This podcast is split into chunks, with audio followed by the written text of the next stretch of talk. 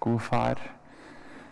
Takker deg, Herre, for at du har gitt denne dagen til alle oss her. Jeg takker deg for livets gave. Takker deg for nåde. Takker deg for at dette er en kveld hvor du ønsker å møte oss. Um, Herre, må du hjelpe meg når jeg skal få lov til å formidle noe av det som er på ditt hjerte. Uh, ber Herre om at det skal bli til oppbyggelse for noen i kveld. Og mer enn alt, Gud, så ønsker vi bare å gi deg ære. Og løfte våre blikk vekk fra våre ja, våre liv og, alt det som enten er tungt eller veldig kjekt. Eh, og takke deg og prise deg og gi deg ære, for du er den som er verdig all vår pris, hele våre liv. Du som har skapt oss, du som har frelst oss. Du som har gitt oss alt som er godt i gave. Du som holder hele verden i din hånd, og som samtidig kjenner hvert hårstrå på mitt hode. Du er en god far. Bare gir mitt liv over i dine hender i kveld. Du ser her, jeg, jeg trenger deg i min svakhet. Og du, Jesus, blir synlig. Amen. God kveld. Um, I Salem denne høsten så har fokuset vært på nådegaver de siste, ja, siste måneden ca. Uh, noe som kanskje er merkelig for noen, for vi har ennå ikke begynt å faktisk snakke om hva nådegavene er. Uh, men egentlig så har jeg brukt veldig god tid på å legge et grunnlag. Uh, og mitt hjerte inn i dette er alle dere, alle vi som er Salem, alle som går her, skal vite hvilke gaver Gud har gitt deg, hvilke gaver som ligger på ditt liv, og ha et hjerte for å bruke det til Guds ære og til menneskers velsignelse. Sånn at hver og en vet hva Gud har gitt deg, og at du ønsker å bruke det til Guds ære og til fellesskapets oppbyggelse. Eh, og så har jeg prøvd å legge et godt grunnlag for dette, fordi det er utrolig viktig at vi vet eh, hvorfor. Hvorfor gavene? Hvorfor, eh, hvorfor har Gud gitt oss dette? Før vi kan se på hvordan. Hvordan ser det ut blant oss? Og Det er fordi dette er kraftfulle saker. Og det er det første korinterbrev som vi har vært i noen uker nå, lærer oss, er at det kan fort føre til splittelse og konflikt når det er sterke gaver til stede, men hvor det ikke opererer i den rette ånd. Så jeg har lyst til å bare først oppsummere litt hva vi har snakket om til nå.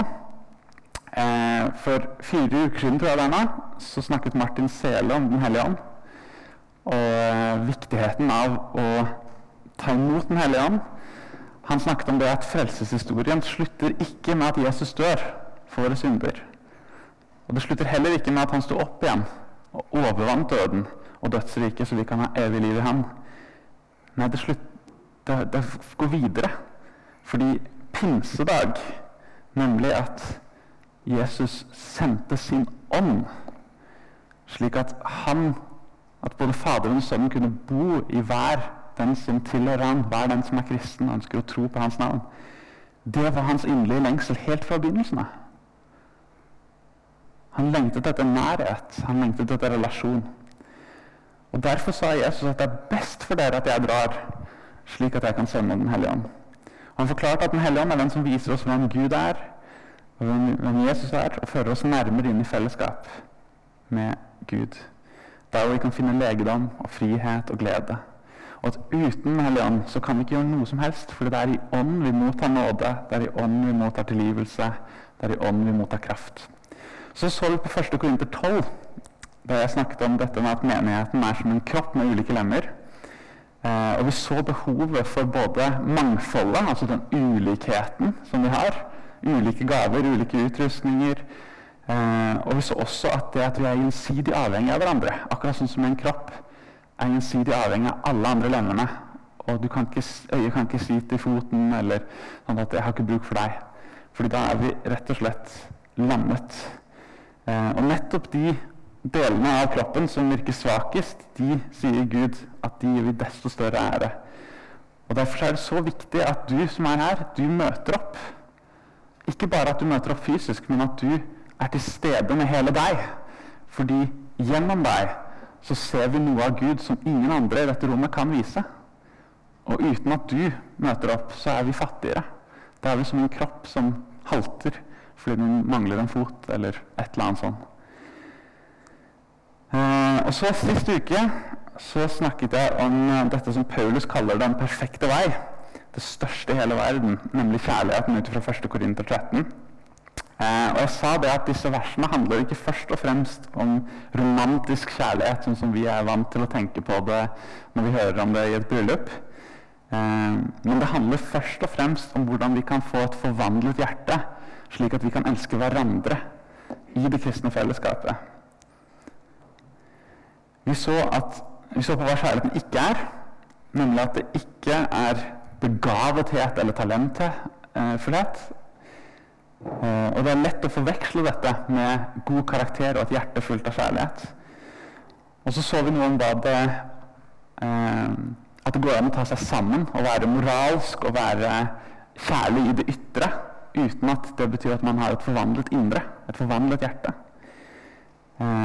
Eh, og så så vi noe om, om hva kjærlighet er i 1. Korinterne 13. Eh, og det setter virkelig en sånn standard på en måte som jeg tror de fleste av oss kjenner på at, uh, at vi ikke når opp til.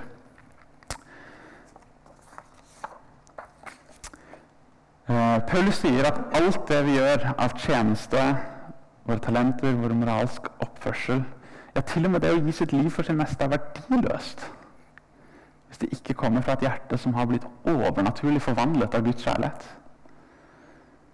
Eh, og så så vi det at det er kun i relasjon til Jesus, kun der vi møter en kjærlighet som faktisk, altså virkelig er tålmodig, som er velvillig, som ikke misunner og skryter eller er umodig, som aldri krenker, søker sitt eget eller er bråsint, og som aldri gjemmer på det onde.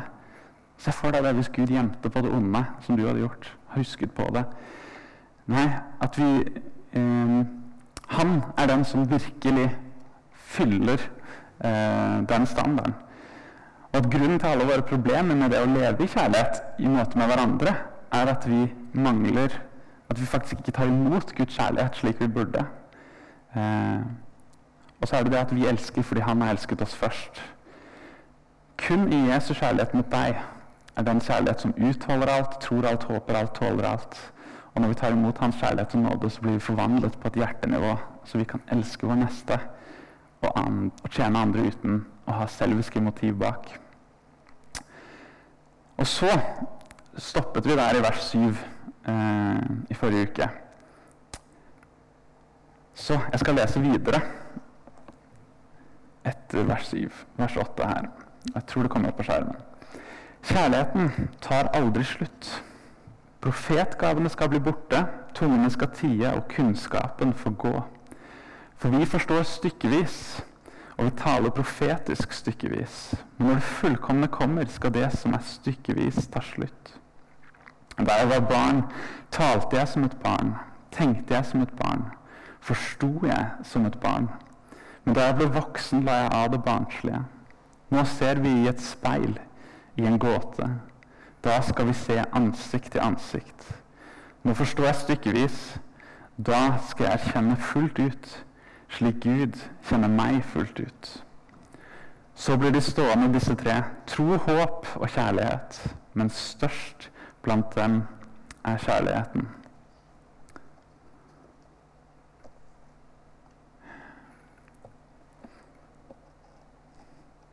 Ja, Gud, vis oss hva dette betyr nå.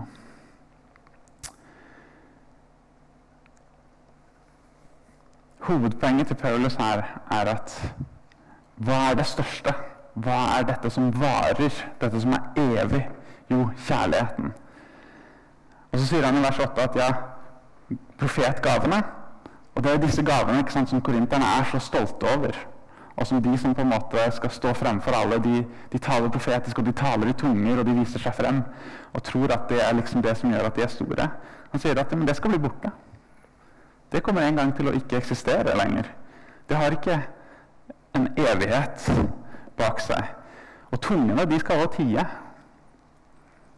Tungetale det er egentlig, egentlig at Gud ved sin ånd gir oss en overnaturlig evne til å tale et språk som vi ikke kan. Um, det kan være et, et englespråk som ikke er av mennesker, og det kan være et, et menneskelig språk. Uh, det er faktisk litt artig å lese historiene fra pinsevekkelsen på tidlig 1900-tall. Hvordan en vanlig måte folk visste hvor de var kalt til å, å være misjonær, var at de fikk språket på en overnaturlig måte.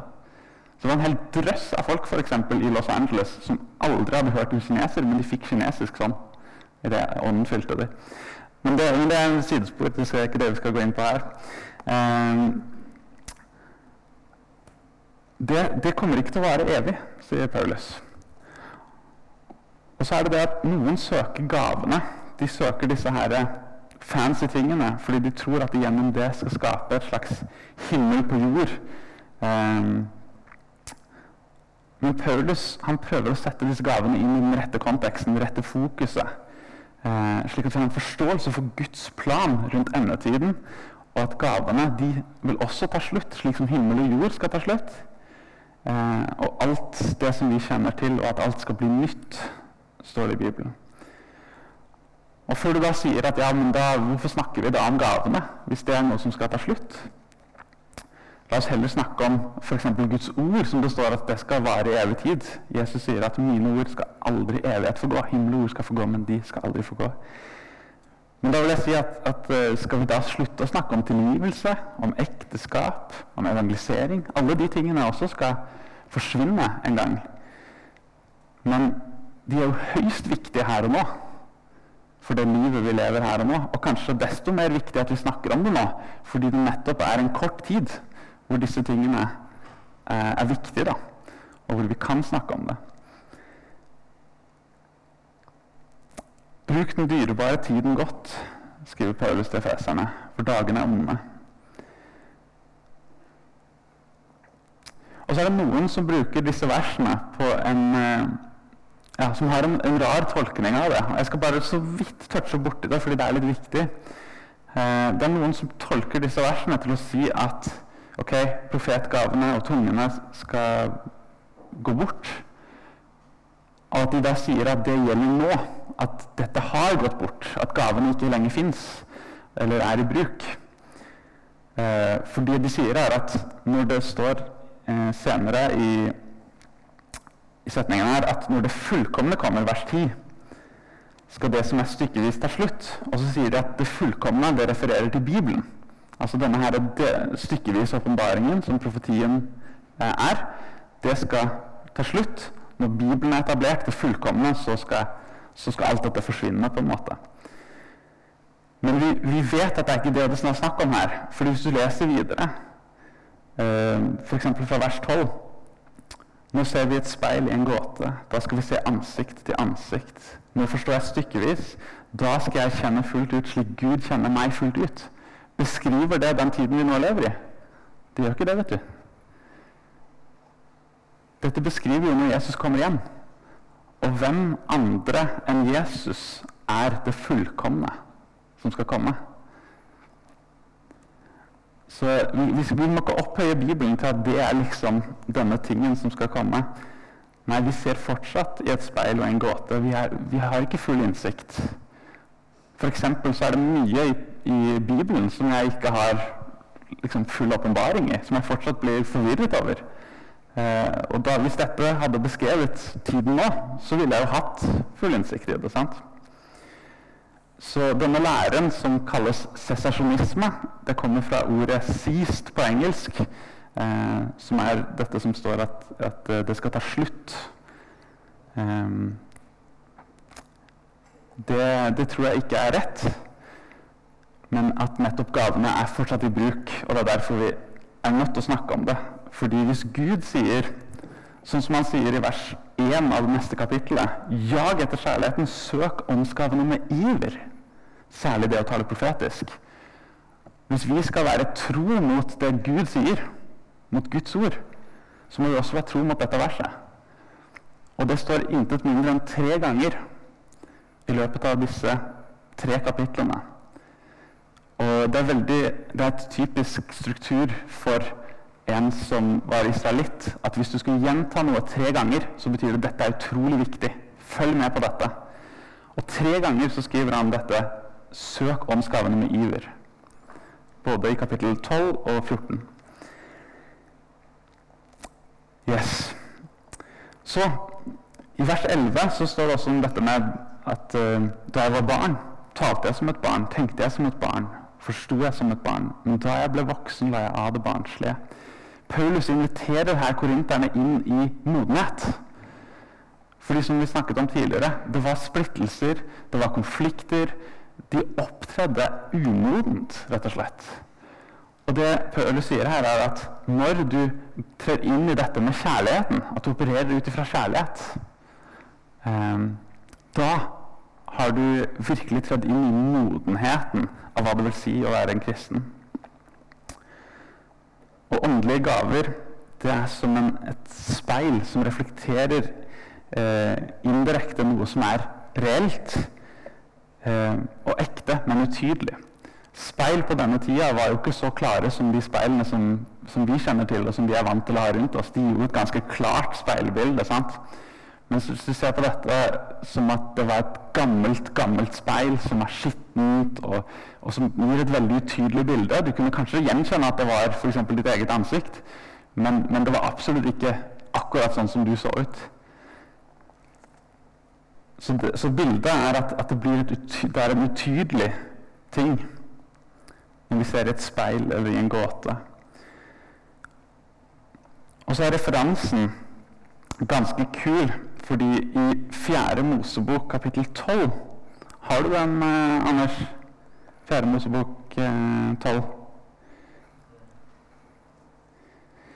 Der står det i hvert fall akkurat referert med de samme ordene. Hvor Moses, eh, Moses blir spurt om eh, Eller han blir utfordret av Aron og Miriam i forhold til hans ledelse. Og så svarer Herren, eh, når de på en måte står i teltåpningen, så sier han Hør mine ord. Er det en profet hos dere? I syn gir meg til kjenne for ham. I drømmer taler jeg til ham. Slik er det ikke med min tjener Moses. I hele mitt hus er han den mest betrodde. Og så står det ansikt til ansikt taler jeg med ham. I klare syn, ikke i gåter. Så det brukes akkurat de samme ordene her.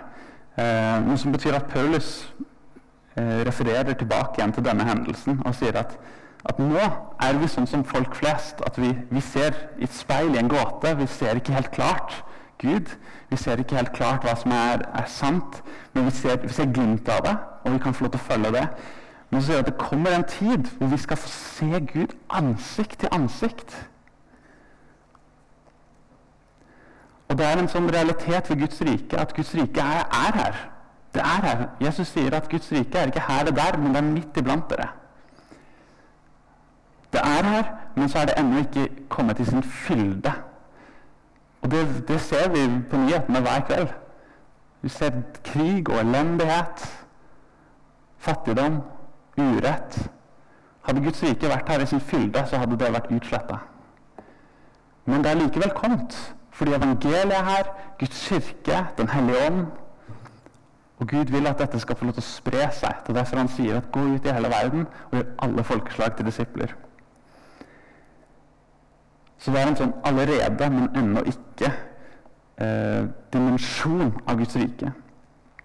Gud er den eneste som virkelig har all kunnskap. Og Derfor gir det ikke mening, dette her som korinterne gjorde, at de skrøt av den kunnskapen de hadde. For de ser for deg når du kommer til himmelen, og så får du vite at ja, all den kunnskapen og all den visdommen de hadde, det var bare så bitte lite så det korn i forhold til alt. Og halvparten av hva du trodde, det var feil uansett.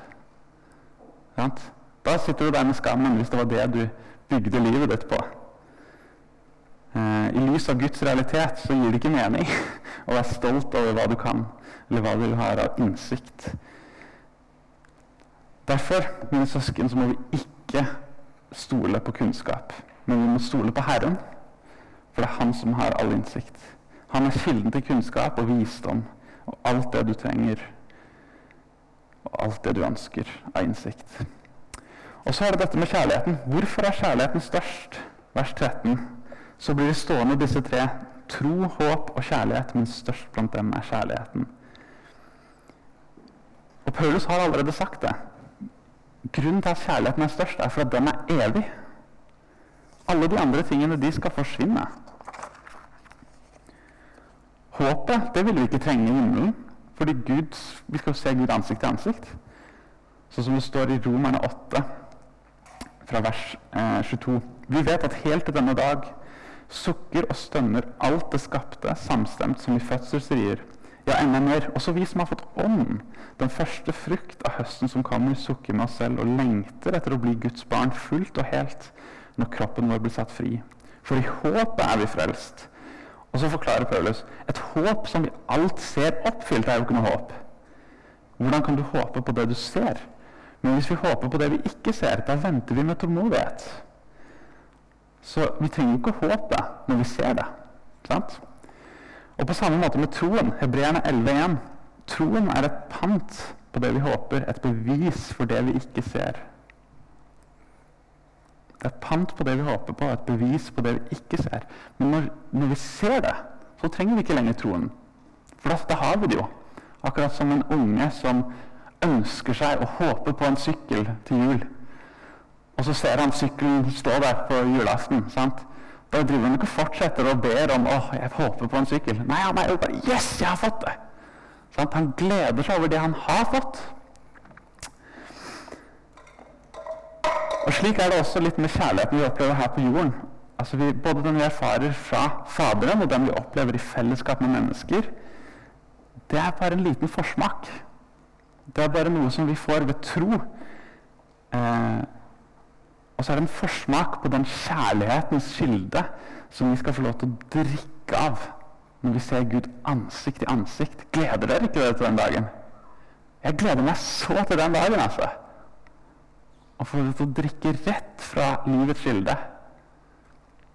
Det står noe om å se ham uten slør for ansiktet, og så blir vi forvandlet da skal vi få lov til å legge fra oss alt det som på en måte hindrer oss. All synd, alt som tynger oss ned, all frykt. Alt skal renses vekk fra oss, og så skal vi virkelig bli forandret av synet på Han som er, han som er kjærlighet.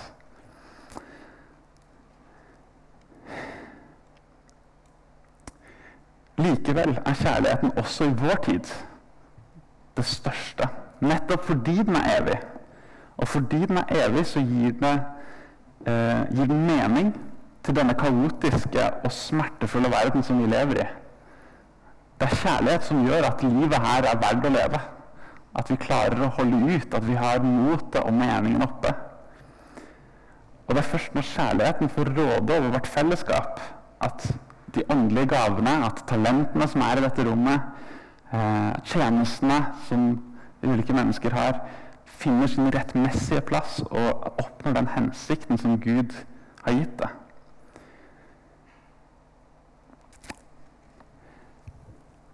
Jeg har tenkt litt på disse tingene i forhold til dette med evigheten.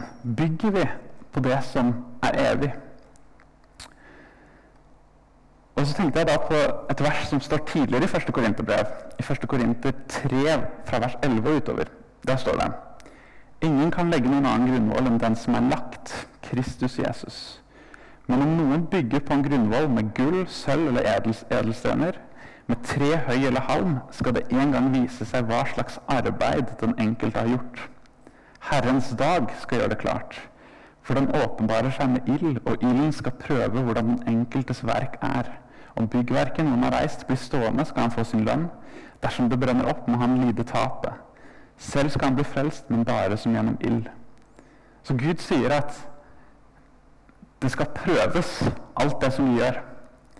Og det er jo noe av det samme som han sier i, 13, eh, i kapittel 13 her. At alt det som du gjør, alt det du bygger med, som ikke er motivert i kjærlighet fra et transformert hjerte, det, det vil ha ingen verdi i evigheten. Det er det han har sagt i alle versene før her. Uansett hvor god tale du har, uansett om du selv gir deg selv til å brennes, så vil det ha null verdi i evigheten, sier han. Hvis ikke du bygger det med kjærlighet, i den rette ånd. I kjærlighetens ånd. Eh, og så står det et annet sted i, i 1. Johannes 4, fra vers 7. Men kjære, la oss elske hverandre. For kjærligheten er fra Gud, og hver den som elsker, er født av Gud og kjenner Gud. Den som ikke elsker, har aldri kjent Gud, for Gud er kjærlighet.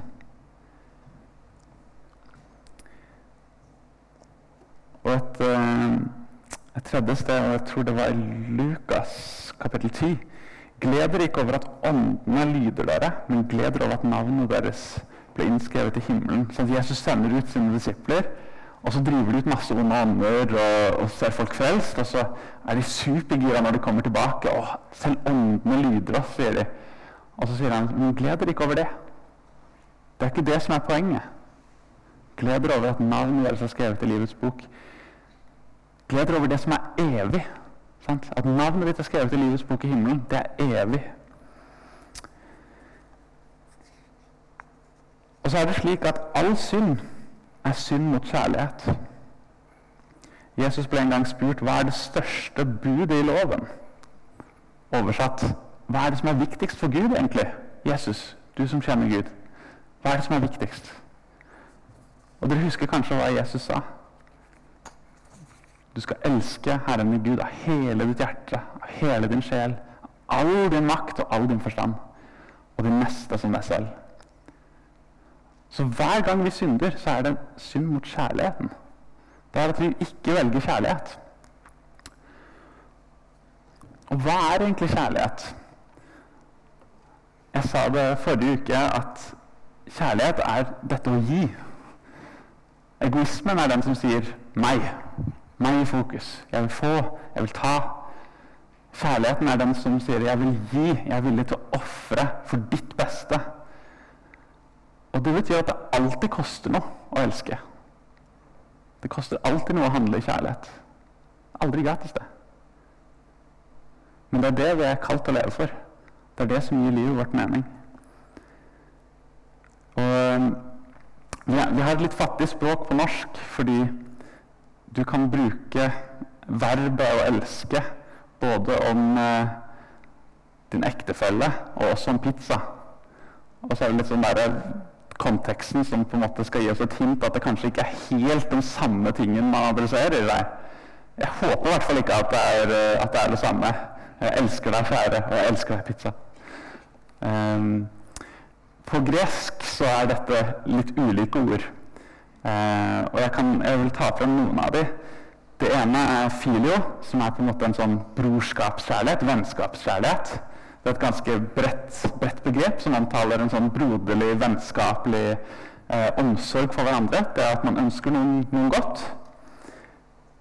Og så er det eros, som er kanskje det som i vår tid blir mest omtalt som kjærlighet. Altså den erotiske, romantiske kjærligheten. Som gjerne er mer sånn brennende og inderlig. Um, og det er lett at når vi leser om kjærlighet, så tenker vi det. Og særlig i første Korinterbrev, i og med at vi ofte har hørt det i kontekst av bryllup. Men det ordet som står her, som er oversatt kjærlighet, er agape. Som er den uselviske kjærligheten. Noen har kalt det for, for Guds kjærlighet. Den kjærligheten som nettopp ikke søker sitt eget, sånn som vi leste forrige uke. Det er den kjærligheten som gir uten å ønsker noe tilbake, og som ikke er avhengig av mottakerens handling eller respons. Det har kun med giveren å gjøre. Det har ikke noe med mottakeren å gjøre. Du kan verken gjøre noe for å fortjene det, eller gjøre noe for å miste det. For det er ikke avhengig av mottakeren, det er avhengig av den som gir. Og dette er den type kjærlighet som Gud ønsker at vi skal leve i. Men hvordan kan vi lære å elske på den måten? Og til det så opplever jeg har ha blitt minnet om en, en, en, connection som kanskje ikke er helt intuitiv å se, men jeg tror at den likevel kan, kan være rett. Og det er denne historien om kvinnen som Jesus møter ved brønnen. Og dette skal jeg avslutte med. Eh, Jesus møter en samaritansk kvinne ved en brønn midt på dagen. En samaritan var en som var et folk som var utstøtt og forhatt av jødene. Og det var en stridighet mellom dem. Så hun var av et utstøtt folk, men hun var også utstøtt fra det folket. fordi hun måtte gå og hente vann midt på dagen. Kvinnene ville ikke være, bli sett med henne. Og Vi leser seinere i teksten at det var fordi at hun hadde hatt fire menn, og den hun nå hadde, var ikke hennes egen mann. Altså hun, hun hadde rett og slett hatt et uh, utsvevende kjærlighetsliv. Um, og Jeg kan bare se for meg at denne kvinnen, det hun lengtet etter hele livet, var opplevelsen av å bli elsket. Og så hadde det ført henne fra mann til mann og inn i en utrolig vond situasjon som hadde egentlig ødelagt lagt livet hennes. Eh, og så I løpet av deres samtale så begynner de å snakke om dette med vann. og Hvordan kan du hente vann opp fra brønnen. Og, så og så sier Jesus at han har en kilde av vann som gjør at hun aldri trenger å tørste igjen. Og så spør hun hvordan kan du hente opp noe vann fra et brønn. Du har jo ikke noe å hente opp med osv. Og, og så sier han at jo, det, det kilden jeg vil skape, det er noe som er inni oss. Og Jesus svarte kvinnen den som drikker av dette vannet, blir tørst igjen. Men den som drikker av det vannet jeg vil gi, skal aldri mer tørste. For det vannet jeg vil gi, blir i ham en kilde med vann som veller fram og gir evig liv. Dette er Johannes 4. Gjerne les den teksten når du kommer hjem. Utrolig sterk tekst eh, og historie. Og så, og så føler jeg at det er, det er en parallell her. For Guds rikes liv som her beskrives som vann, det strømmer gjennom agapekjærlighet. Det er det vi leser om i 1. Korinteren 13. At Guds rikes liv, det som er evig, sant? denne kilden som bøller fram og gir evig liv, det uttrykkes i kjærlighet. Det er det som er uttrykket for Guds rike livet. Og Gud sier her at du kan få innlagt vann det er det Jesus vil gi deg. Han vil gi deg innlagt vann i livet ditt. At du ikke trenger å fylle deg med alt mulig i det ytre, men at han gir deg innlagt vann i hjertet ditt. Og jeg tror at når vi lar Jesus få lov til å gjøre det, vi inviterer ham inn i livet, Vi inviterer ham til å være herre og til å være frelser i våre liv, så får vi innlagt vann som strømmer frem. Det veller frem. Det gjør slik at du alltid kan få lov til å være fylt med ham. Og så kan du få lov til å øse det, akkurat som man øser vann av en brønn. Og på en måte bare øse det over andre. Øse det over folk i menigheten, men også folk på jobben, hvor enn du er, på skolen. Fordi du har en, en kilde som er, ut, som er inni deg sjøl, men som er overnaturlig. Du henter noe i det overnaturlige og bringer inn i det naturlige av en kilde av kjærlighet. Og så kan du få lov til å øse dette over hverandre. Så vil du leve i agapekjærligheten. Den kjærligheten som vi har hørt beskrevet nå i både forrige uke og denne uka. Dette som er den største av alle ting, som skal vare i all evighet. Da må du slippe Jesus inn i livet. Og ikke bare én gang, men hver dag. Alltid. Slik at han kan gi deg innlagt vann i hjertet og rense deg fra alt som hindrer denne kjærlighetens strømmer å flyte fritt i livet ditt. Det er tilgjengelig. Det er tilgjengelig i kveld. Har lyst til å avslutte med å lese, lese igjen et stykke fra det vi har snakket om da, fra vers, eh, fra vers 12. Nå ser vi et speil i en gåte. Da skal vi se ansikt til ansikt. Nå forstår jeg stykkevis. Da skal jeg erkjenne fullt ut slik Gud kjenner meg fullt ut. Så blir de stående, disse tre. Tro, håp og kjærlighet. Men størst blant dem er kjærligheten.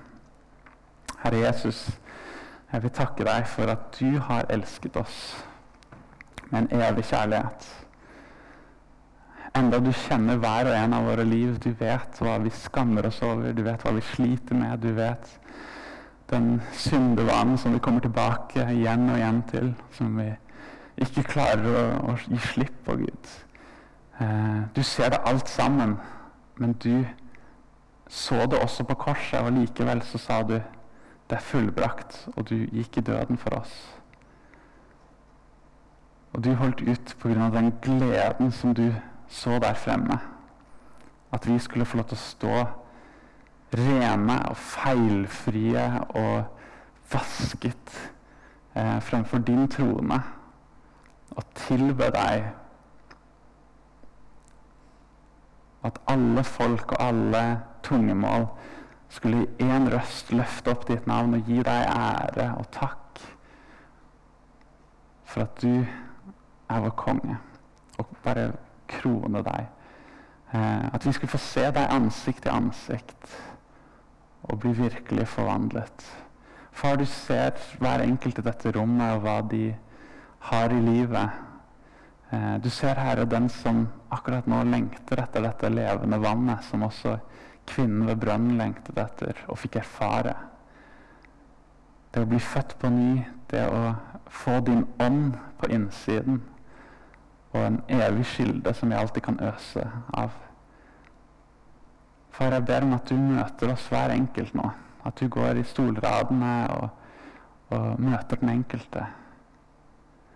Og gir oss dette vannet.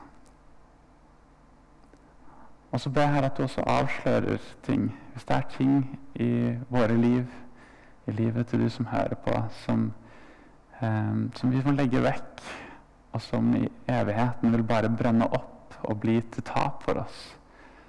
Herre, du ser at vi, vi ønsker så inderlig å bygge med edelstener og bygge med det som kommer til å holde, og som kommer til å gi en, en evig avkastning.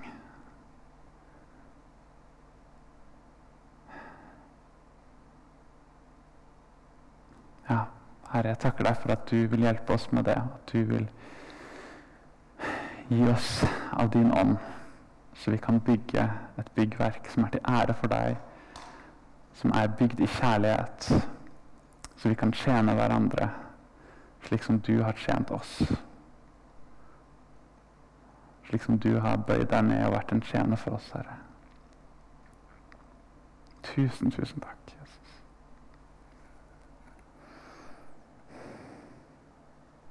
Hmm.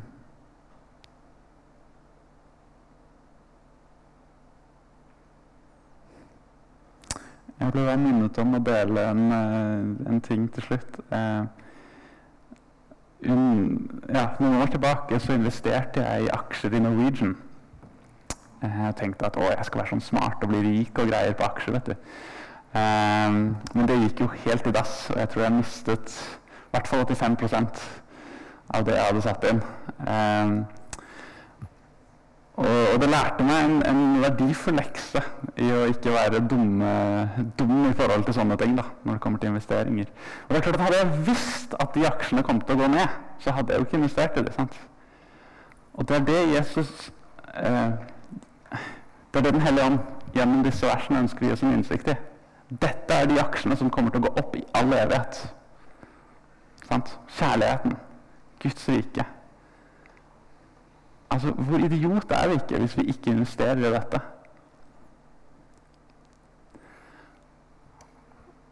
Og Når vi leser om slik kjærligheten blir beskrevet her, som tålmodig, velvillig, ikke misunnende, ikke skryter altså, Det krever et arbeid å vokse i denne kjærligheten.